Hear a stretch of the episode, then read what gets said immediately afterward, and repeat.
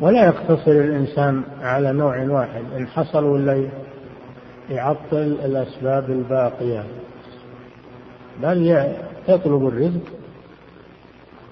بأي وسيلة مباحة ولو بالاحتراف والكد والعمل. أما ما عليه كثير من الشباب اليوم أنه لازم وظيفة ولا ما يشتغل؟ لازم وظيفة ولا ما هو طالب من الرزق يجلس معطل للأسباب.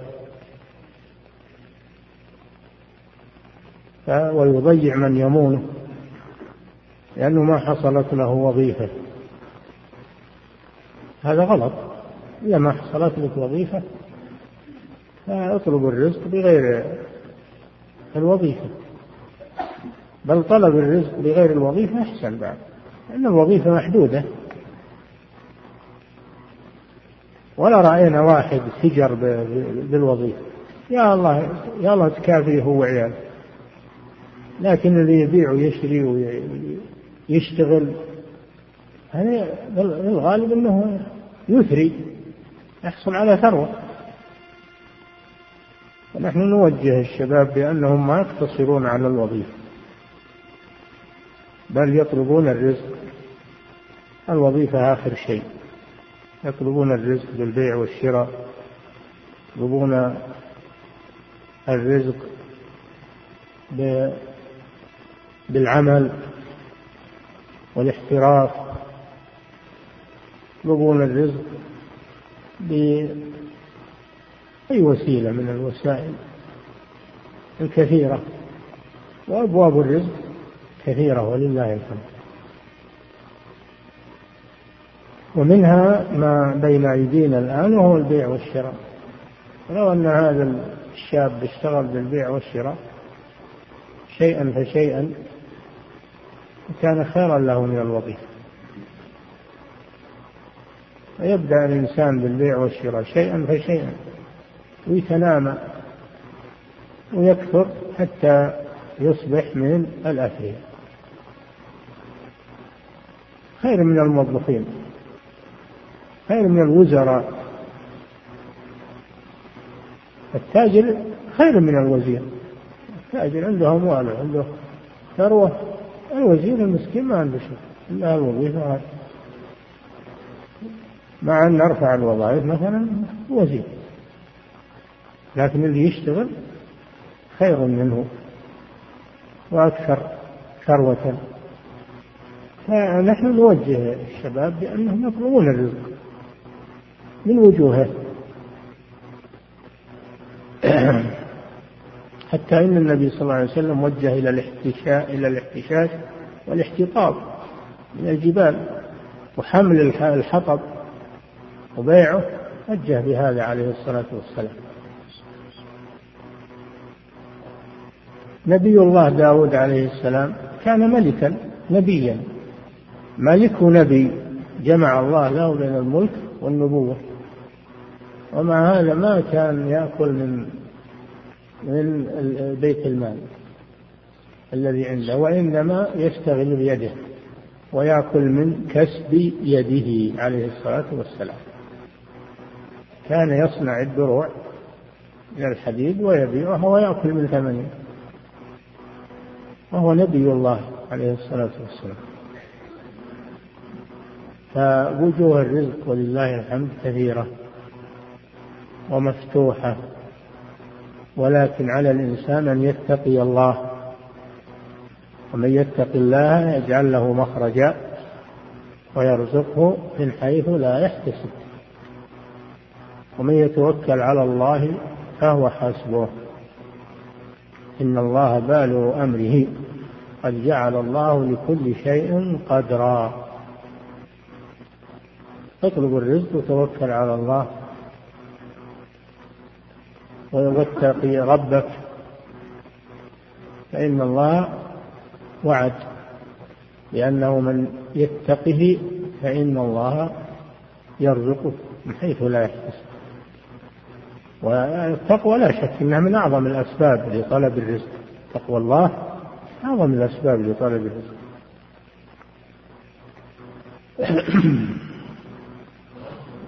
فهذا هو البيع. البيع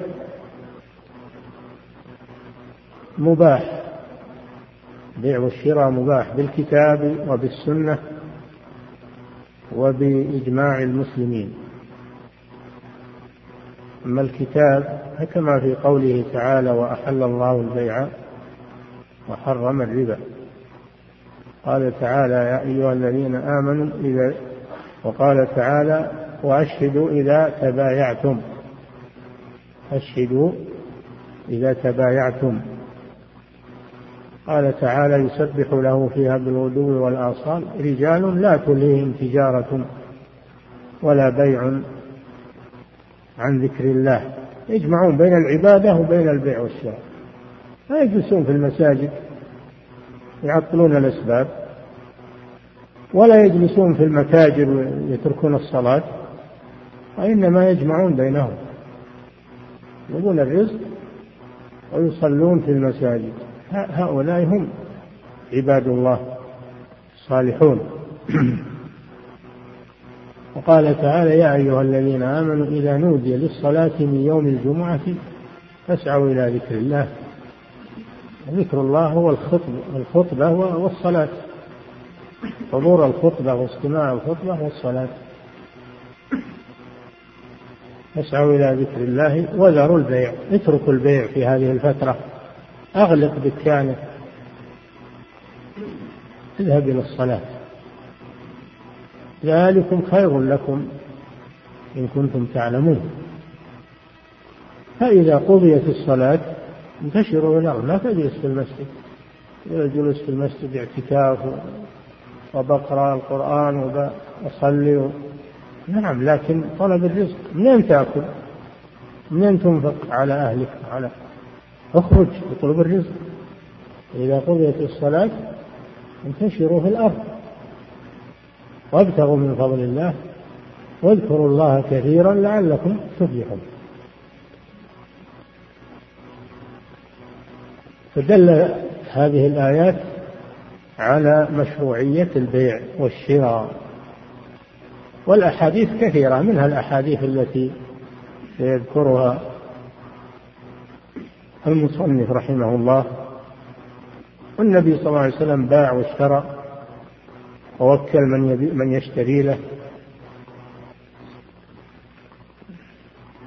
وحث على طلب الرزق والبيع والشراء والاتجار. والإجماع أجمع العلماء على مشروعية البيع. والحكمة تقتضي ذلك. لأن بعض الناس عنده سلعة. عنده سلعة ولا عنده نقود. والطرف الآخر عنده نقود ولا عنده سلعة. فلأجل التوصل كل واحد منهما إلى مطلوبه شرع البيع. شرع البيع. فصاحب السلعة يبيعها ويحصل على ثمنها. وصاحب النقود يشتري بها السلعة ويستفيد من السلعة تبادل تبادل مصالح منافع. أما لو كل واحد أمسك ما عنده أهل السلع أمسكوها وأهل الدراهم أمسكوها لا تضرر المجتمع. يتضرر المجتمع. المجتمع يقوم على البيع والشراء والاتجار. نعم. عن عبد الله بن عمر رضي الله عنهما عن رسول الله صلى الله عليه وسلم أنه قال إذا تبايع الرجلان فكل واحد منهما بالخيار ما لم يتفرقا وكانا جميعا أو يخير أحدهما الآخر فإن خير أحدهما الآخر فتبايعا على ذلك فقد وجب البيع وإن تفرقا بعد أن تبايعا ولم يترك واحد منهما البيع فقد وجب البيع. نعم. هذا الحديث حديث ابن عمر رضي الله عنهما أن النبي صلى الله عليه وسلم قال إذا تبايع الرجلان. هذا فيه دليل على مشروعية التبايع. تبايع الرجلان يعني تبادل الثمن والمثمن تبادل الثمن والمثمن. وبماذا يحصل التبايع؟ يحصل إما بالقول وإما بالفعل. القول يقول البائع بعت ويقول المشتري اشتريت الإيجاب والقبول. أو بالفعل وهي معاطاة بأن يدفع السلعة لشخص ويدفع الشخص ثمنها ولا فيه كلام إنما فيه تبادل معاطاة يسمونها المعاطاة. فينعقد البيع بأحد أمرين إما بالصيغة القولية أو الصيغة الفعلية. هذا معنى تبايع الرجلان وكل واحد منهما للخيار. الخيار هو التروي لطلب خير الأمرين الإمضاء أو الفسخ الإمضاء أو الفسخ كل واحد منهما بالخيار ما لم يتفرق. إذا تم التبايع بالصيغة القولية أو الفعلية صح البيع وانعقد لكن لا يلزم لا يلزم إلا بالتفرق من المجلس. ما دام في المجلس فكل واحد منهما له الخيار إن شاء أمضى وإن شاء فسخ. وهذا من الحكمة العظيمة لأن الإنسان قد يتسرع الإنسان قد يتسرع فيبيع أو يشتري. ثم إذا فكر وجد أنه وجد أنه آه، لا يناسبه هذا البيع. وجد أنه لا يناسبه هذا البيع. فالله أعطاه الفرصة بأن يتروى ما دام في المجلس. وهذا ما يسمونه بخيار المجلس. يسمونه بخيار المجلس. ما لم يتفرقا. هذا هذا نوع من أنواع الخيار وهو خيار المجلس. وهذا ما يحتاج إلى اشتراط. هذا تلقائي. خيار المجلس تلقائي ما يحتاج إلى اشتراط. جعله الله فرصة للنادم في أن يتحلل من البيع ويسلم من التبعة ولا يبادر باللزوم وقد يتضرر. أو يخير أحده أحدهما الآخر. هذا خيار الشر.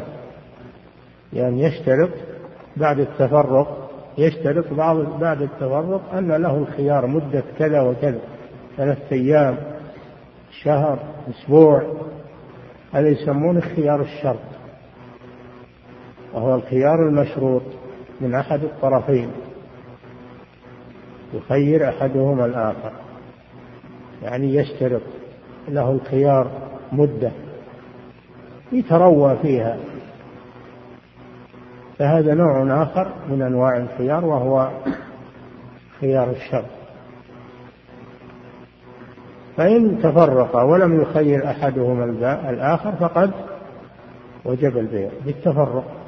إذا ما في خيار شر فإن البيع يلزم بمجرد التفرق بأن يغادر أحدهما أو كلاهما المجلس.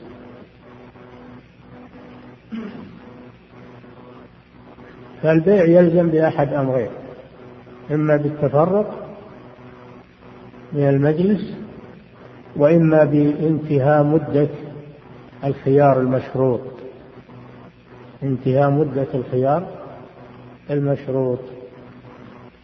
هذا ما يدل عليه هذا الحديث الشريف. وفيه الحكمة العظيمة والرحمة والتوسعة على المسلمين في عقودهم بايعاتهم نعم أعد الحديث. عن عبد الله بن عمر رضي الله عنهما عن رسول الله صلى الله عليه وسلم أنه قال إذا تبايع الرجلان وكل واحد منهما بالخيار ما لم يتفرقا وكانا جميعا. وكان جميعا هذه تأكيد. ما لم يتفرقا وكانا جميعا. المعنى واحد لكن الثانية تأكيد. نعم. أو يخير أحدهما الآخر. يعني بعد التفرق يخير أحدهم يشترط أحدهم الخيار له مدة معلومة. نعم. هذا خيار الشرط نعم. فإن خير أحدهما الآخر فتبايعا على ذلك فقد وجب البيع. إن خير يعني شرط أحدهما على الآخر. الخيار مدة معلومة وتبايعا على ذلك تراضيا على ذلك. فقد لزم البيع وبقي الخيار للطرف الذي اشترطه. يعني يبقى الخيار للطرف الذي اشترطه. نعم. وإن تفرقا بعد أن تبايعا ولم يترك واحد منهما البيع فقد وجب البيع. اي نعم فدل الحديث على أن البيع يلزم بأحد أمرين إما بالتفرق من المجلس إذا لم يكن هناك خيار مشروط وإما بانتهاء الخيار المشروط. يلزم البيع بأحد هذين الأمرين. نعم. الله إليه عن حكيم بن حزام رضي الله عنه قال قال رسول الله صلى الله عليه وسلم البيعان بالخيار ما لم يتفرقا أو قال حتى يتفرقا فإن صدقا وبينا بورك لهما في بيعهما وإن كتما وكذبا محقت بركة بيعهما. هذا بمعنى الحديث الأول لكن الحديث الأول فيه إذا تبايع الرجلان تبايع. وهذا فيه البيعان والمعنى واحد. البيعان يعني البائع والمشتري. وفيه أن أنه بعد العقد يبقى الخيار ما دام في المجلس في مجلس العقد. وفيه زيادة وهي وجوب الصدق. وجوب الصدق وأن لا يخدع أحدهما الآخر بل يصدق وشرائه من غير خديعة ومن غير غرض ويبين فإن صدق وبين يعني بين ما في السلعة أو في الثمن من العيب ولا يكتم. ما يكتم واحد منهم ما في ما في يده إذا كان فيه عيب. فلا بد أن يبين للطرف الثاني. أما إذا لم يبين فقد كتم. هذا غش وخديعة فإذا حصل الكذب في البيع والتغرير أو حصل الغش في البيع البيع يصح. البيع يصح بناء على الظاهر ولكن تمحق البركة. إن كانا متفقين على الغش وعدم البيان فإنها تمحق بركة الاثنين البائع والمشتري أما إذا كان الكذب والغش من طرف واحد فإن الذي حصل منه ذلك ليس في بيعه وشرائه بركة. فليحذر التجار من مدلول هذا الحديث لأن أغلب بيع الناس اليوم وشراهم على الغش والخديعة يعتبرون هذا يعتبرون هذا من الحنكة في البيع. يعتبرون الغش والخديعة والتلبيس يعتبرونه من حسن آه، التصرف ومن الحنكة في البيع ومن آه، المرونة في البيع وهو في الحقيقة أنه محق للبركة. محق ويصبح ماله لا بركة فيه. لا بركة فيه. ممحوق البركة وإذا محقت منه البركة فلا خير فيه.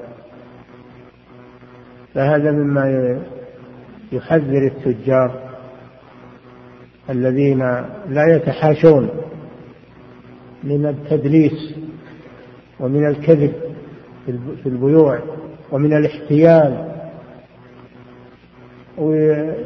ويتسابقون في يتسابقون في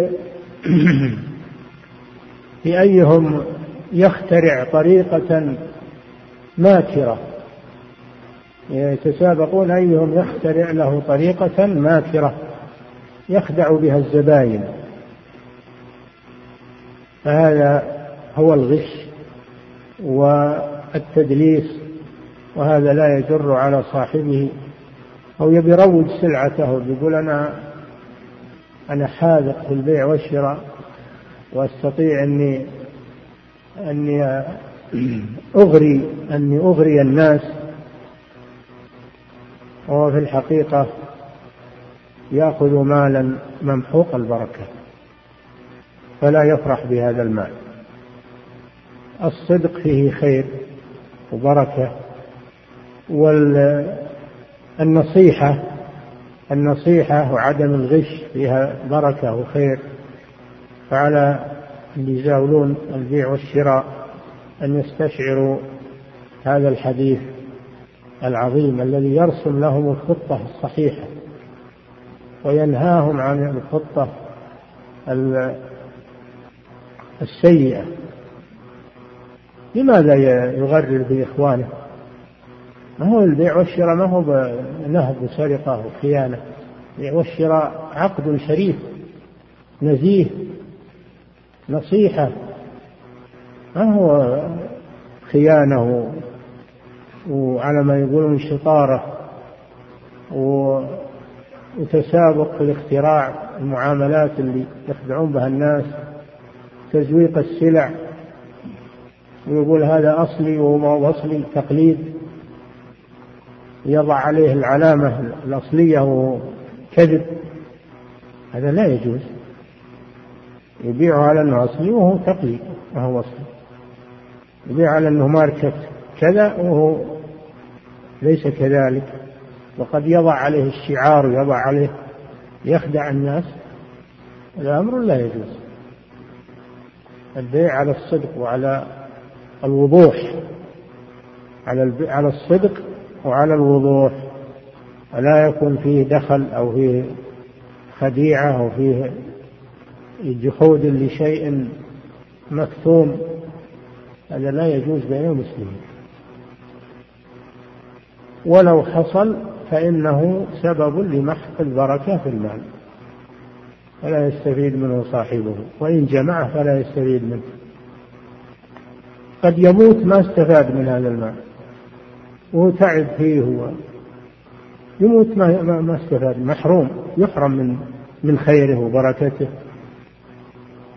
أما إذا صدق وبين فإن الله يبارك يبارك في ماله يستفيد منه في معاشه وفي وفي الصدقات وفي وجوه الخير فيستفيد منه لأنه مال مبارك إن استعمله فهو مبارك وإن تصدق منه فهو مبارك ويقبل منه. أما المال الذي يحصل عليه عن طريق المكر والخديعة فهو ممحوق البركة. ويحرم من ثوابه ويحرم من فائدته. نعم. صلى الله عليه باب ما ينهى عنه من البيوع. اي نعم لما ذكر الأحاديث الواردة في مشروعية البيع والتوجيه الشرعي في التوجيه الشرعي في كيفية التبايع والنهي عن الغش والخداع والمكر بين الطرفين ذكر أن هناك بيوعا منهي منهيا عنها. لا يجوز لا تجوز. الأصل في البيع الحل. هذا هو الأصل في البيع وأحل الله البيع. ولا يحرم إلا ما دل الدليل على تحريمه. فالبيوع الصحيحة ليس لها حصر أما البيوع المنهي عنها فهي محصورة. البيوع المنهي عنها محصورة أما البيوع الصحيحة فلا حصر لها لأن الأصل في المعاملات الحل. نعم. باب ما ينهى عنه من البيوع. نعم. عن, عن, عن أبي سعيد الخدري رضي الله عنه. أن النبي صلى الله عليه وسلم نهى عن المنابذة وهي طرح الرجل ثوبه بالبيع إلى الرجل قبل أن يقلبه أو ينظر إليه ونهى عن الملامسة والملامسة لمس الرجل الثوب لا ينظر إليه. نهى رسول الله صلى الله عليه وسلم في هذا الحديث عن نوعين من البيع بيع المنابذة وبيع الملامسة وفسرهما. في الحديث فسرهما الراوي في الحديث. فالمنابذة إنه يأخذ الثوب البائع يأخذ الثوب ما ي... المشتري ما يدري وش ولا وش داخليه ولا وقد يأخذه بكرتون أيضا كرتون يأخذه ويطرحه على المشتري يقول حظك نصيبك سأله سليم أو ما هو بسليم أو أو من القماش الجيد هو مغلف ولا يدري يطرح عليه ويقول هو عليك بكذا والمشتري لم يقلبه ولم يتفحصه. ويرضون بهذا. يقول حظك نصيبك إن طلع زين هو حظك وإن طلع شيء فهو عليك. هذه مغامرة لا تجوز. لا بد أن المشتري يتفحص السلعة ويعرفها قبل يعقد البيع. المغامرة هذا نوع من القمار. القمار يكون في البيع وهو المغالبات. المغالبات التي يؤخذ بها المال. هذا لا يجوز هذه المنابلة. ينبذ عليه الثوب يقول عليك بمئة ريال. وهو ما المشتري ما يدري ولا ولا قلبه ولا نظر فيه. يقول حظك نصيبك. أو بظلام. هم بظلام ولا يشوف يقول أي ثوب طرحته عليك وعليك بكذا. سواء كان سليما أو معيبا أو جيدا أو أو رديا حظك نصيبك. هذا لا يجوز. هذا غرر وخيانة هذه المنابذة الملامسة يقول ادخل بهالمحل وأي ثوب لمسته بيدك فهو عليك بكذا. قد يلمس ثوب جيد وقد يلبس ثوب ردي مغامرة هذه أيضا مغامرة ما يجوز هذا. ما يجوز بيع الملامسة. أي ثوب لمسته مثلا يدخل في هذا المكان المظلم يغلق الكهرب يقول ادخل بهالمحل أي ثوب وقعت يدك عليه أو صندوق وقعت يدك عليه فهو عليك بكذا حظك ونصيبك. هذا لا يجوز في الإسلام. لا بد يكون الأمر واضحا أمام المشتري ليدخل على بصيرة. ولا يكون هناك خداع ومكر. نعم. وهذا كما ذكرنا إن الآن كثير من التجار ما يعيشون إلا على هالنوع على المغامرات والخداع والمكر. ويعتبرون هذا من الحذق من الحذق في البيع. هذا ليس بيعا هذا خداع ومكر ولا يجوز. نعم. هذا بيع الملامسة بيع المنابذة وبيع الملامسة. نعم. صلى الله عليه عن وعن أبي هريرة رضي الله عنه. أن رسول الله صلى الله عليه وسلم قال لا تلقوا الركبان ولا يبع بعضكم على بيع بعض ولا تناجسوا ولا تناجشوا ولا يبع حاضر لباد ولا تصر الإبل والغنم ومن ابتاعها فهو بخير النظرين بعد أن يحلبها إن رضي أن يحلبها. الله بعد أن يحلبها. إن رضيها أمسكها وإن سخطها ردها وصاعا من تمر. نعم هذا الحديث فيه أنواع من الغرر في البيوع منهي عنها. نقرأها واحدا واحدا من أول الحديث. صلى الله عليه نعم.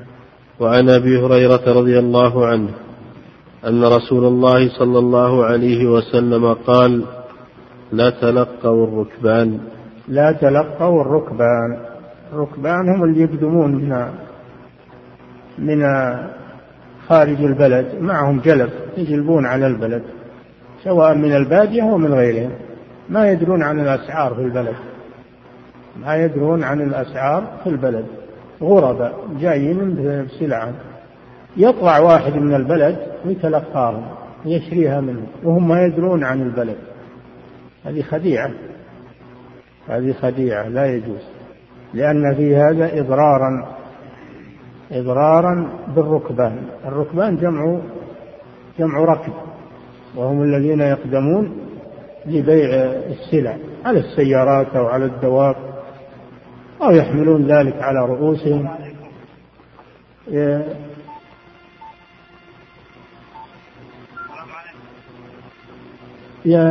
يقدمون لبيع سلعهم. يطلع واحد ويقول أنا بشريها منكم أبى أريحكم شو تدخلون بالبلد؟ ثم يشريها رخيصة وإذا جو الركبان البلد ولا خادعهم. إلى خادعهم شاريها برخص فيحصل الضرر على الركبان. هذا منهي عنه. خلهم يدخلون البلد ويشوفون الأسعار. ثم بعد ذلك اشتري منه على بصيرة.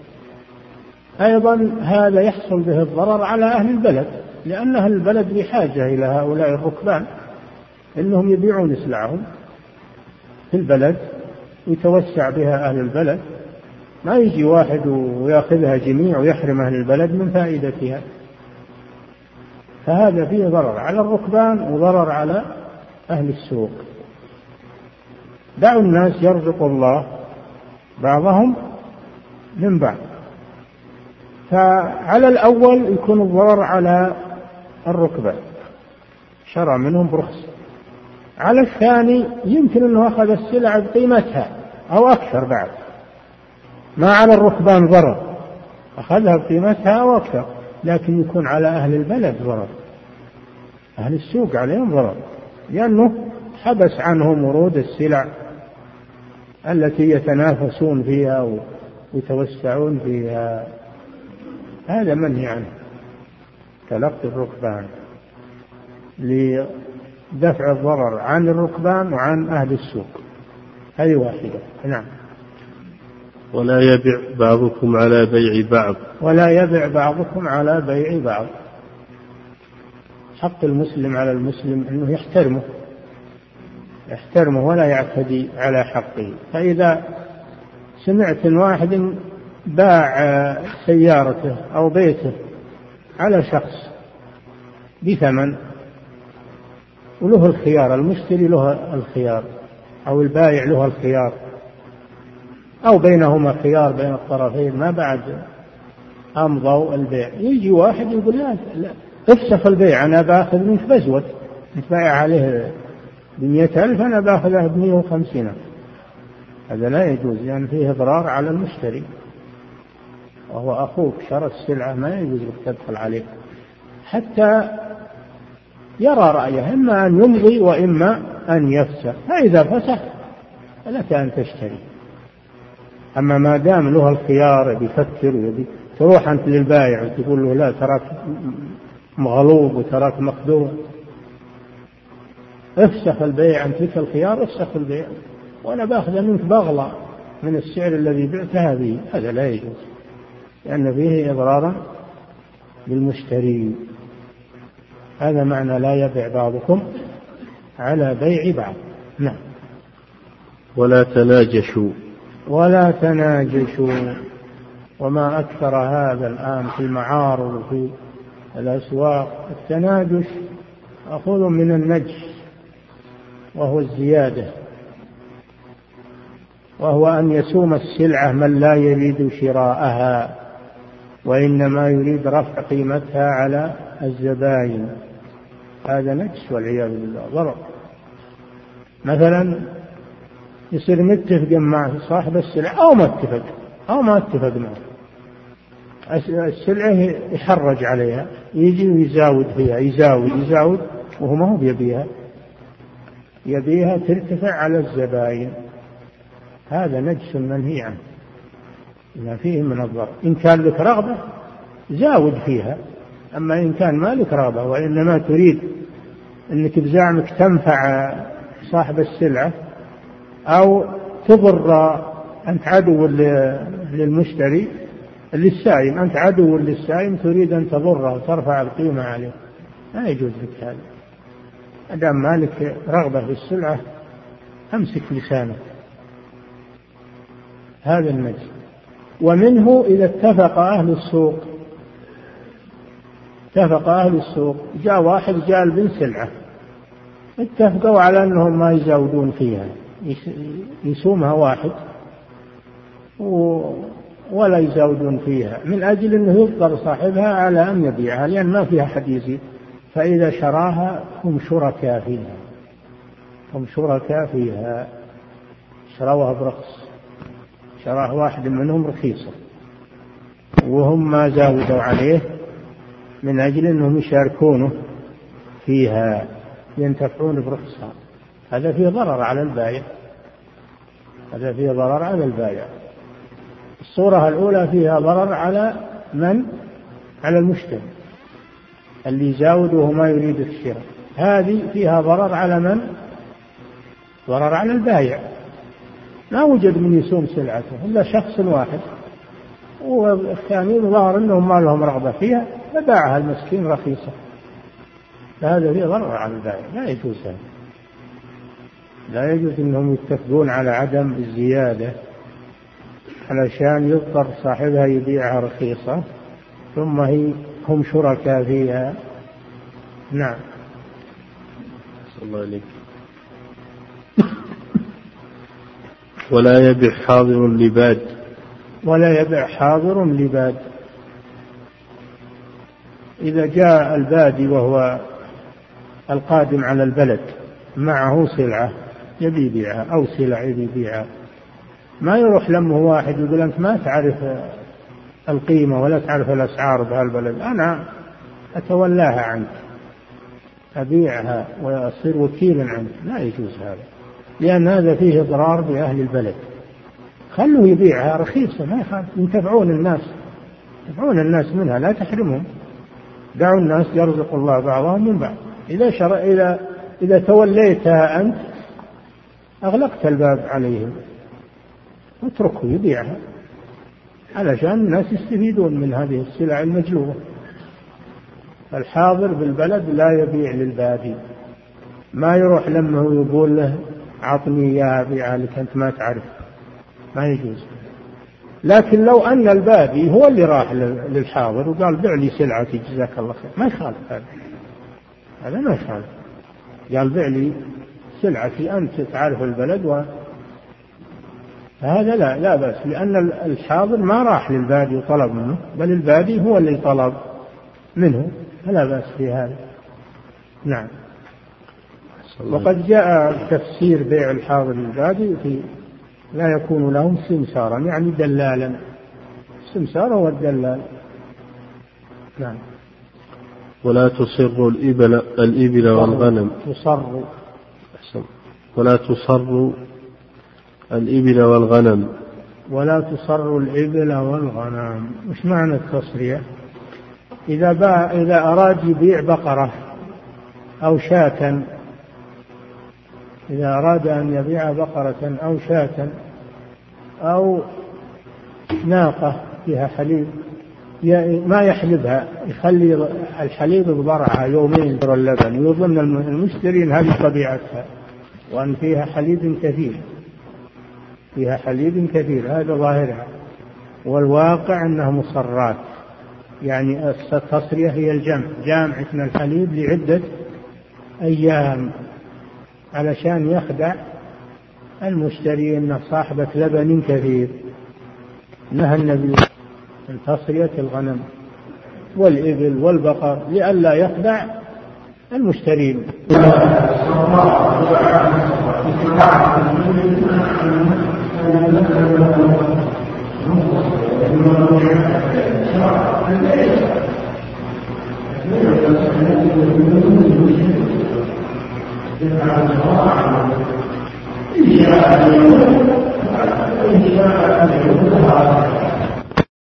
صاعا من التمر. إذا حلبها حلبها يرد معها صاعا من التمر قيمة للحليب الذي أخذه. قيمة للحليب الذي أخذه. هذا معنى صاعا من تمر. قيمة للحليب. هو ما يعرف أنها مصرات حتى يحلبها. حتى يحلبها فإذا حلبها وأراد يردها ثمن اللبن يرده مع معها لصاحبها. دفعا للخديعة والمكر. هذه الحديث الأحاديث تعطيكم قاعدة عظيمة في أن البيع والشراء لا بد يكون على الصراحة وعلى الوضوح وعلى النصيحة. ألا يجوز الخديعة بأي وجه من الوجوه. هذا يسمى التدليس. التصرية هذا نوع من التدليس. تدليس وهو تحسين السلعة على غير طبيعتها. والتدليس منه التصرية ومنه لو صبغ السيارة وزينه وكأنه جديدة هذا تدليس. أو آه، الدار فيها صدوع وفيها عيب قام هو وقام هو صلح غطى الصدوع وغطى العيوب اللي في الجدران وضربها بويه أو جص وصارت كأنها جديدة ولا باعي هذا تدريس. هذا تدريس ولا يجوز. التدليس معناه أن يظهر السلعة بغير مظهرها الصحيح. يظهرها بمظهر خداع. مظهر خداع. تعرفون التلميع؟ هو التلميع هذا يلمعها. يلمعها أمام الناس وما أكثر ما يحصل هذا. هذا تلميع وهذا تدليس وغش. فإذا شراها إنسان بناء على ظاهرها وتبين أنه على غير ظاهرها له الخيار. دفعا للضرر عنه. وهو يسمى خيار التدليس. مر بكم خيار خيار المجلس وخيار الشرط وخيار الغبن خيار الغبن وهو في المنابذة والملامسة. وهذا خيار يسمونه خيار التدريس. لأن الخيار ثمانية أنواع. الخيار عندهم ثمانية أنواع. نعم. ومن ابتاعها فهو بخير النظرين بعد أن يحلبها. إن رضيها بعد أن يحلبها لأنه ما يعرفها إلا إذا حلبها يعطى ثلاثة أيام أربعة أيام يحلبها علشان يعرف هل هذا اللبن طبيعي ولا آه، مدلس. فإذا تبين له أنه مدلس له الخيار. نعم. إن رضيها أمسكها وإن سخطها ردها وصاعا من تمر. وشو صاع من التمر. قيمة للبن اللي هو حلب منها. وشربه نعم. وفي لفظ وهو بالخيار ثلاثة. ثلاثة أيام يعني. ما يزيد على ثلاثة أيام لأنه بالثلاثة يبي يعرفها. بالثلاثة يبي يعرفها. هل هي سليمة أو غير سليمة؟ وما زاد على الثلاثة يضر على البائع نعم. صلى الله إليك وعن عبد الله بن عمر رضي الله عنهما أن رسول الله صلى الله عليه وسلم نهى عن بيع حبل الحبلة وكان يتبايعه أهل الجاهلية. كان الرجل يبتاع الجزور إلى أن تنتج الناقة ثم تنتج التي في بطنها. نعم. قيل إنه كان يبيع الشارف وهي الكبيرة المسن المسنة. نعم. قيل نعم. إنه كان يبيع الشارف. أي نعم. من الإبل يعني الشارف من الإبل وهي الكبيرة المسنة. نعم. بنتاج الجنين. نتاج بنتاج أحسن الله إليك. بنتاج الجنين الذي في بطن ناقته. نعم. هذا فيه أن النبي صلى الله عليه وسلم عن بيع حبل الحبلة. وفسروه بأنه يبيع السلعة بثمن مؤجل إلى أن إلى أن تلد هذه الناقة الحامل ثم ولدها يكبر ويلد فيعلق الأجل على نتاج السائمة ونتاج نتاجها. هذا النهي عنه من أجل الغرر في الأجل. الأجل غير محدد إيش يدرينا أنه تبي تلد الناقة وش يدرينا ان ولدها بيلد هذا من علم الغيب. فهذا أجل مجهول. أجل مجهول. ويشترط في الأجل أن يكون معلوما. إلى أجل معلوم. قطعا للنزاع. هذا معنى حبل الحبل. بمعنى أنه يبيع سلعة مؤجلة بثمن مؤجل إلى أن تلد الناقة ثم يلد ولدها. فيما بعد؟ فإذا ولد ولدها حل الأجل هذا فيه جهالة. قيل هذا هذا هو التفسير. وقيل معناه أنه يبيع عليه نتاج نتاج السائمة يبيع عليه نتاج نتاج السائمة. يقول أبيع عليك نتاج نتاج هذه النار يعني إذا ولدت ثم كبر ولدها وولد آه، يعني كبرت بنتها وولدت فولدها يكون لك بهذه القيمة. هذا بيع مجهول لأنه ما. هذا بيع مجهول ويشترط في المبيع أن يكون معلوما. ففي التفسير الأول الجهالة في الأجل وفي هذا التفسير الجهالة في المبيع. يبيع عليه نتاج. النتاج نتاج نتاج هذه الناقة. وهذا مجهول ويشترط في المبيع أن يكون معلوما. يشترط في المبيع أن يكون معلوما. ومثل هذا اليوم الله أعلم ما يسمونه بالبيع المنتهي بالتمليك لأنه مجهول. الآجار ما يسمونه الآجار المنتهي بالتمليك. يقول أجرتك هذه السيارة بأجر معلوم خمس سنوات عشر سنوات وفي النهاية تصير ملك لك. يعني إذا تلفت تبيع بها شيء تصير ملك لك. هذا جهالة وغرر ولعب بالناس هذا لا يجوز هذا العمل. إما أن تكون إجارة وإما أن يكون بيع. أما يجمع بين عقدين مختلفين في الأحكام وفيه جهالة. هذا لا يجوز. نعم. أحسن الله إليك. نعم أعد الحديث. سم. عن عبد الله بن عمر رضي الله عنهما أن رسول الله صلى الله عليه وسلم نهى عن بيع حبل الحبلة. حبل الحبلة يعني ولد ولدها. بيع ولد ولدها.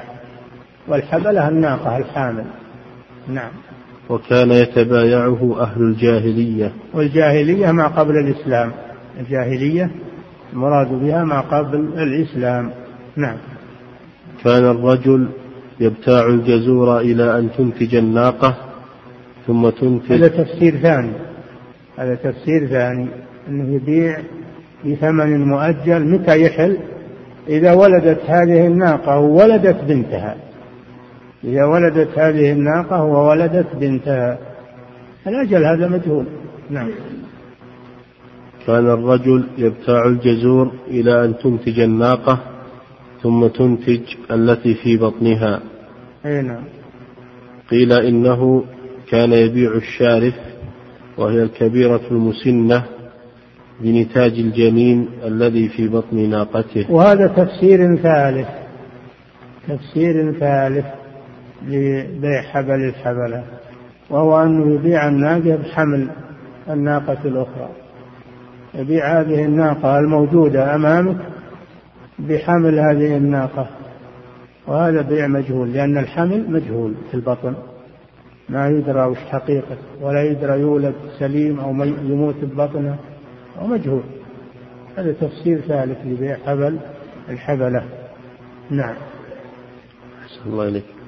وعنه رضي الله عنهما أن رسول الله صلى الله عليه وسلم نهى عن بيع الثمرة حتى يبدو صلاحها. نقف عندها هذا أيضا من البيوع المنهي عنها بيع الثمرة قبل بدو صلاحها هذا له جلسة أخرى إن شاء الله. صلى الله نعم.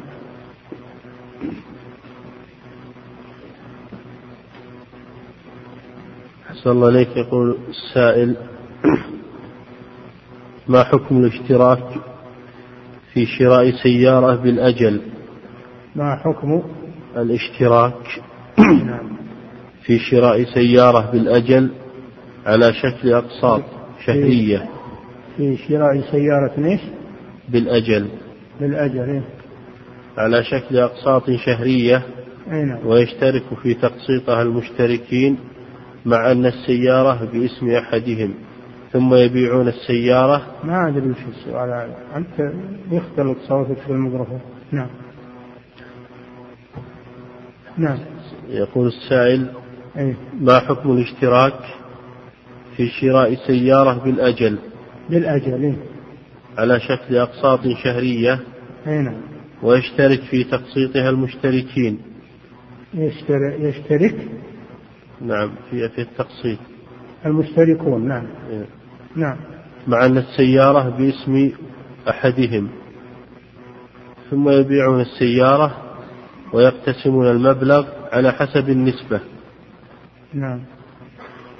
أصل الاشتراك في شراء سيارة أو غيرها لا بأس به. يشترك جماعة ويشترون سيارة أو بيت أو بستان أو غير ذلك. ويجعلونه باسمهم ما يجعلونه باسم واحد يجعلونه باسمهم. اسم المشترين يذكر أما أنه يشتريها بصورة أنه واحد وهم جماعة ويكتمون على البائع هذا لا يجوز هذا غرر. نعم. أحسن الله إليك يقول السائل. يشترونه جميع باسمهم جميع ويدفعون ثمنها على أقساط. ثم يبيعونها وإذا ربحت يتقاسمون ما في مانع في هذه الصورة. أما أن يسيها واحد وهناك شركاء مخفيون لا يدرى عنهم هذا غرض. نعم. أحسن الله إليك. يقول السائل يوجد بضائع متراكبة. يوجد؟ يوجد بضائع إيه؟ متراكمة في الموانئ. إيه؟ تركها أصحابها لأسباب مثل كثرة الجمارك أو أسباب أخرى. ثم يتم الحراج على هذه البضائع في صناديق كبيرة حاويات ولا تفتح هذه الحاويات بل يكون البيع وهي مغلقة حظك نصيبك هذا أولا أنه بيع بغير رضا المالك والبيع إنما يكون عن تراضي. إلا أن تكون تجارة عن تراض منكم. وثانيا أنه مجهول على الصفة التي ذكرها السائل. مجهول في الحاويات ولا يدرى بداخلها بيع مجهول وبيع بغير رضا صاحبه نعم. أحسن الله إليك. يقول السائل ما حكم ما يقوم به أصحاب المعارض من. الجلوس؟ ما حكم ما يقوم به؟ أصحاب المعارض. نعم. من الجلوس قبل المعارض قبل المعارض قبل قبل. قبل المعارض واستقبال السيارات لشرائها نعم. قبل الدخول بها للسوق. ما يجوز هذا. ما يجوز هذا. من تلقي الركبان ومن تلقي البادي. يمكن صاحب السيارة جاي من بعيد بعد. ما يدري. أو من أهل البلد. هذا نوع من تلقي الركبان هلا تدخل في المعرض؟ وإنسان لك فيها نظر ادخل واشتريها من المعرض؟ إذا وصلت المعرض والحراج اشتريها أما أنك تغرر بصاحبها وتشريها منه قبل يدخل المعرض وقبل يعرف السعر هذا لا يجوز. نعم. هذا من ناحية. الناحية الثانية أن هذا فيه ضرر على أهل المعارض لأنك تحبس السيارات عنهم. وش جالسين له وش فاتحين المعارض؟ له يبغى يجي ناس يتلقون السيارات ولا تصلهم هذا إضرار بأصحاب المعارض. نعم. أحسن الله إليك. يقول السائل أصبح الآن الجمع بين العلم وطلب الرزق التجارة تعارض ولهذا يضطر كثير من الشباب إلى ترك العمل والتفرغ للعلم فهل هم ملومون على ذلك؟ لا ما يتعارض. طلب العلم مع ما يتعارض طلب العلم مع طلب الرزق. تطلب العلم في وقته.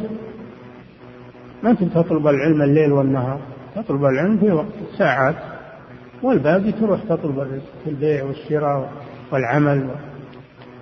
هنا نعم. ما يتعارض هذا مع هذا. نعم. سواء كانت طلب العلم في المساجد أو في المدارس. المدارس طلب العلم فيها ساعات فقط ثم تخرج منها. صرف زمانك الباقي في طلب الرزق. ما في معنى. طيب نعم. أحسن الله عليك يقول السائل هل يجوز الاتجار بمال الأيتام فيما ربحه ظني؟ نعم. وليهما الناظر على أموالهم يتاجر بها لأجل تنميتها لمصلحتهم تاجر بها لأجل مصلحتهم. الربح كله ظني اللي يبيع ويشري ما يدري يربح ولا ما يربح. يتاجر بها. ما هو بالربح مضمون. نعم. يتاجر بها لأجل مصلحته.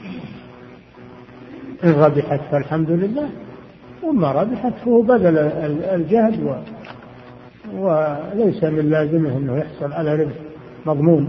نعم. أحسن الله إليك. يقول السائل لو باع الرجل ماشيته قبل أن يصل إلى السوق وهو يعلم أن هذا البيع فيه مكسب له فهل يكون بذلك قد أضر بأهل السوق؟ إذا إيش؟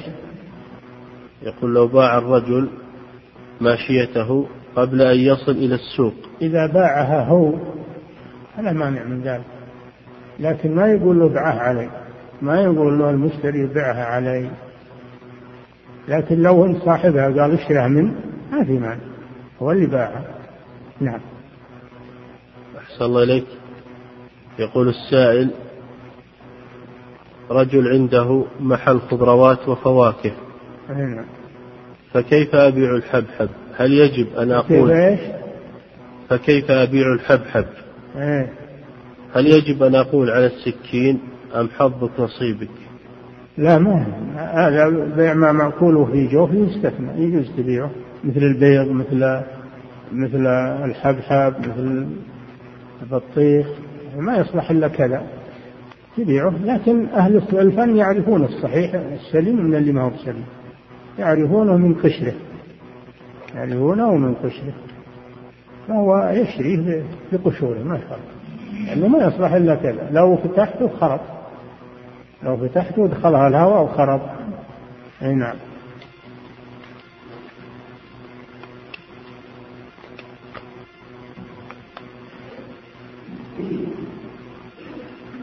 الله أكبر الله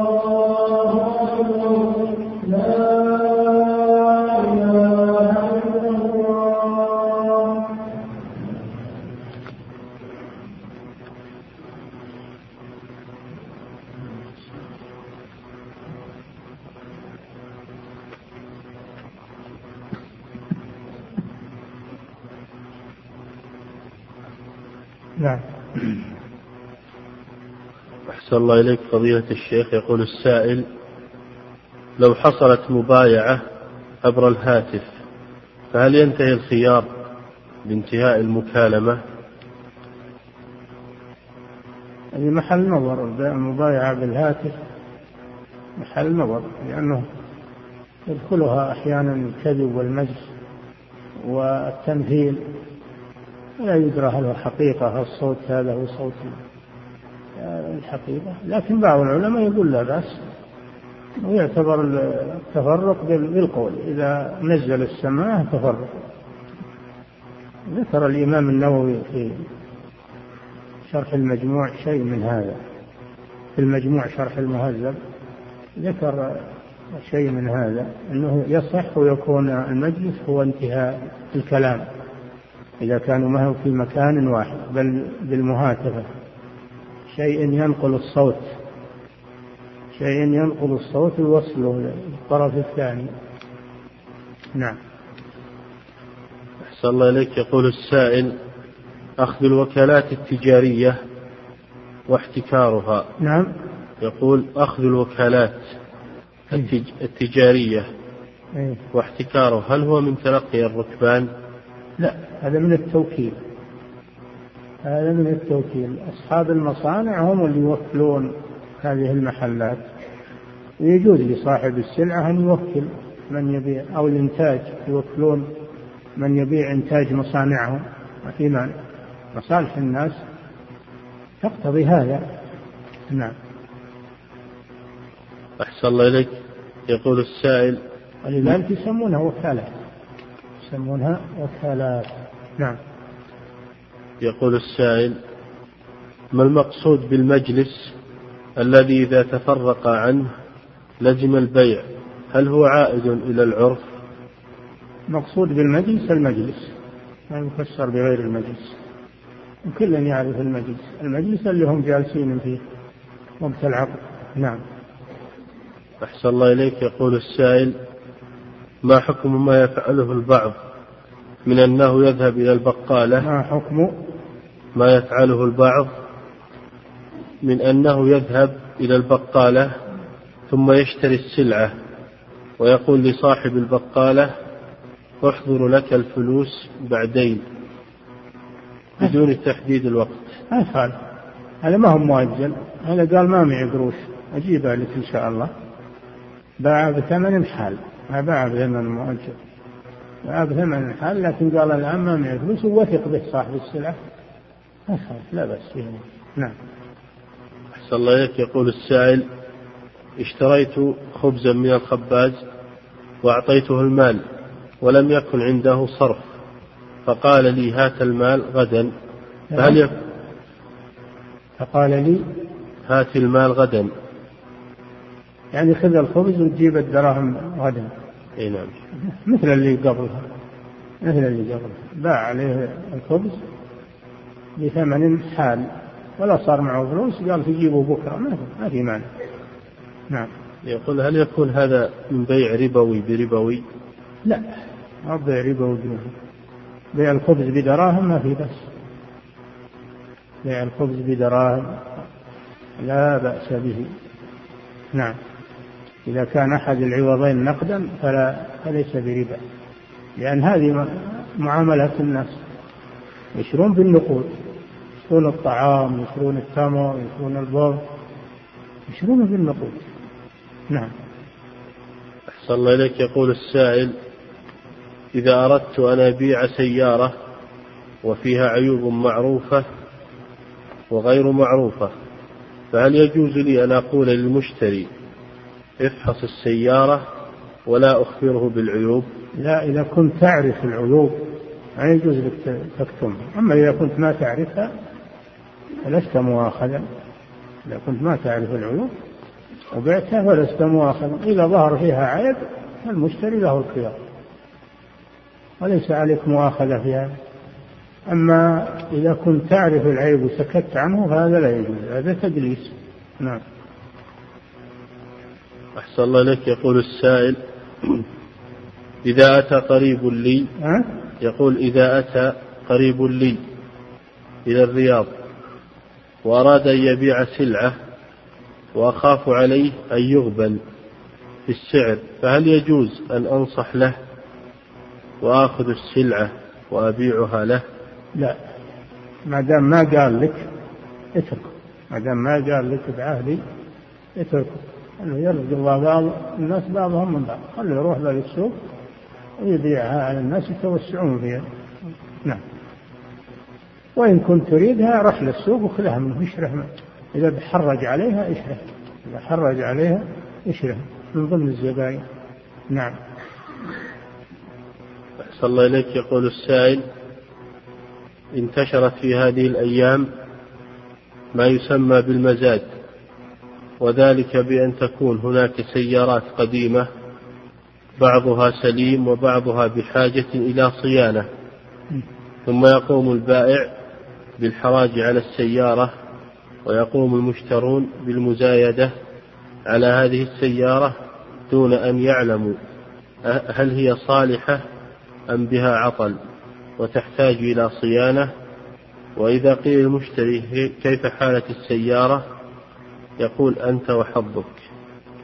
مثل ما ذكرنا إذا كان يعلم فيها عيوبا لا بد يبينها أما إذا كان ما يعلم يقول أبيعها الواقع هذا ولا أدري.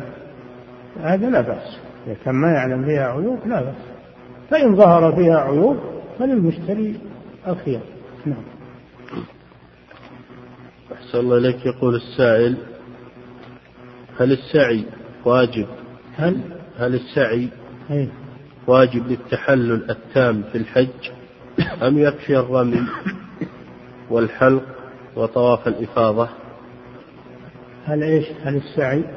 يقول هل السعي واجب للتحلل التام في الحج أم يكفي الرمي والحلق وطواف الإفاضة حيث أن شخصا تحلل بذلك بدون سعي؟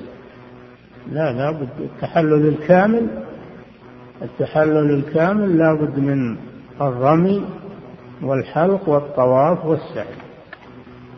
التحلل الأول يحصل بالرمي والحلق مثلا أو بالرمي والطواف والسعي ولو لم يحلق. نعم. فلا بد من الطواف والسعي لأنهما شيء واحد بعض السعي تابع للطواف فلا بد من منه التحلل. نعم. صلى الله إليك يقول السائل أعلم أن المبيت بمنى أيام التشريق واجب من واجبات الحج. فنحن هذه السنة لم نبت بمنى أيام التشريق بسبب الزحام ولم يكن لدينا خيام أو سكن بمنى. فهل علينا شيء؟ إذا كنتم تستطيعون المجي بالليل هذا أقل شيء. تستطيعون المجي بالليل تمشون تبيتون في في أي مكان يتيسر. ولا تضيق منى إن شاء الله. يوجد فيها أمكنة يجلس. يجلس فيها. معظم الليل. فلا بد من هذا. لا بد أنكم تجوا أما إذا كان ما تستطيعون لمرض لمرض منعكم فإنه يسقط عنكم المبيت بسبب المرض أو بسبب العذر الذي لا لا تتمكنون من الحضور. أما ما ما في عذر فيلزمكم الحضور والبقاء في منى معظم الليل. سواء نمتم أو جلوسا أو تمشون أو كيف. المهم توجدون في منى معظم الليل. ولو كان ما لكم خيمة تبي تلقون لكم مكان يجلسون فيه. أما النساء الثقيلات والنساء اللي ما يستطيعن المشي والمجي معذورة لكن شاط الناس النشيطين يستطيعون يجون يلزمهم هذا. نعم. أحسن الله إليك. يقول السائل هل النزيف هل النزيف من الأنف ينقض الوضوء؟ إذا كان كثيرا نعم. النزيف خروج الدم الكثير من البدن سواء من الأنف أو من غيره. ينقض الوضوء. أما اليسير فلا يضر. نعم. صلى الله عليك يقول السائل إذا توضأت أو أو أو استكت بالسواك يخرج من لثة دم ولا ينقطع هذا الدم إلا إذا بالغت وكررت في المضمضة أكثر من ثلاث مرات. فإذا كنت صائما فهل علي شيء في ذلك؟ تكفل الدم بلا بلا مضمضة تكفله حتى ينقطع. ما بلازم المضمضة. فمضمض ثلاث مرات وإذا ظهر دم تكفله ظهر تكفله ثاني وهكذا حتى ينقطع. نعم. الماء ربما يزيده. نعم. أحسن الله إليك. يقول السائل أنا رجل شاب أريد الزواج. ولكن أمي معارضة لي في ذلك. أما أبي فيقول لي اذهب وابحث لك عن زوجة صالحة وأنا أزوجك. علما أني مؤذن وأستلم مرتب على ذلك فهل أتزوج مع عدم رضا أمي. نعم. أما ليس لأمك الحق. أن تمنعك من الزواج. ليس لوالديك أو أحدهما الحق في أن يمنعك من الزواج. لأن هذا ضرر إضرار بك وهو معصية ولا طاعة لمخلوق في معصية الخالق. ترك الزواج مع القدرة عليه معصية لا طاعة لمخلوق في معصية الخالق. تزوج وتوكل على الله. وأمك إن شاء الله ترضى فيما بعد. وما رضيت فيها المخطئة. نعم. أحسن الله إليك. يقول السائل ما هو ضابط الدين؟ في قول المصطفى صلى الله عليه وسلم فاظفر بذات الدين تربت يداك. الدين السليمة في دينها في وعرضها تكون سليمة في دينها وعباداتها تقيم الصلاة وتصوم رمضان و وتعبد الله ولا تشرك به شيئا وتكون سليمة في عرضها عفيفة. عن الزنا عن التساهل في آه، بالتعرض للرجال هذه السلامة في الدين. نعم. أحسن الله إليك. يقول السائل هل الأفضل لطالب العلم أن يتزوج بامرأة متوسعة في طلب العلم أو غير ذلك؟ متوسعة؟ نعم إيش معنى متوسعة؟ يعني عنده علم غزير أو متوسعة في الالتزام إن كان المراد عندها علم غزير هذا طيب يستفيد منها. أما إن كان متوسعة في أخلاقها هذه ما تصح. نعم. أحسن الله إليك يقول السائل ما رأي فضيلتكم في قول أحد طلبة العلم إن الصحابي الفلاني كان يشرب الخمر والصحابي الآخر لم تكن لديه شجاعة وإقدام في الغزوات ولما قلت له لا فائدة من ذكر ذلك على العموم إلا أن توضح قصدك من ذلك فقال أنت تعطل الأحكام وترفع الصحابة إلى منزلة المعصومين وهم ليسوا بمعصومين فما رأيكم؟ هذا شقي ومجرم لا يجوز يتعرض للصحابة هو عاد سليم هو بنفسه. وتفتش لقيته من أرض الناس وأخس الناس. فلا يجوز تنقص الصحابة والبحث عن عيوبهم بل لا يجوز البحث عن عيوب المسلمين عموما ولو ما هم بالصحابة. كيف بالصحابة رضي الله عنهم؟ فهذا إنسان ما فيه خير. إما أنه سيء العقيدة ويبغض الصحابة فيه تشيع ولا فيه نفس الخوارج وإلا إنه إنسان ما فيه خير ولا يحب الصحابة فيه نفاق. هذا فيه نفاق. لا يبغض الصحابة ويتلمس عيوب الصحابة إلا منافق أو شيعي أو خارجي. أحد الثلاثة إما منافق وإما شيعي وإما خارجي. أما أهل السنة والجماعة فهم يترضون عن الصحابة ويستغفرون لهم والذين جاءوا من بعدهم. يقولون ربنا اغفر لنا ولإخواننا الذين سبقونا بالإيمان ولا تجعل في قلوبنا غلا للذين آمنوا. ربنا إنك رؤوف رحيم. فهذا هذا لا يجوز الكلام في الصحابة ولا تلمس عيوبهم ولا الطعن في أحد منهم. نعم. والله تعالى أعلم وصلى الله وسلم على نبينا محمد على آله وصحبه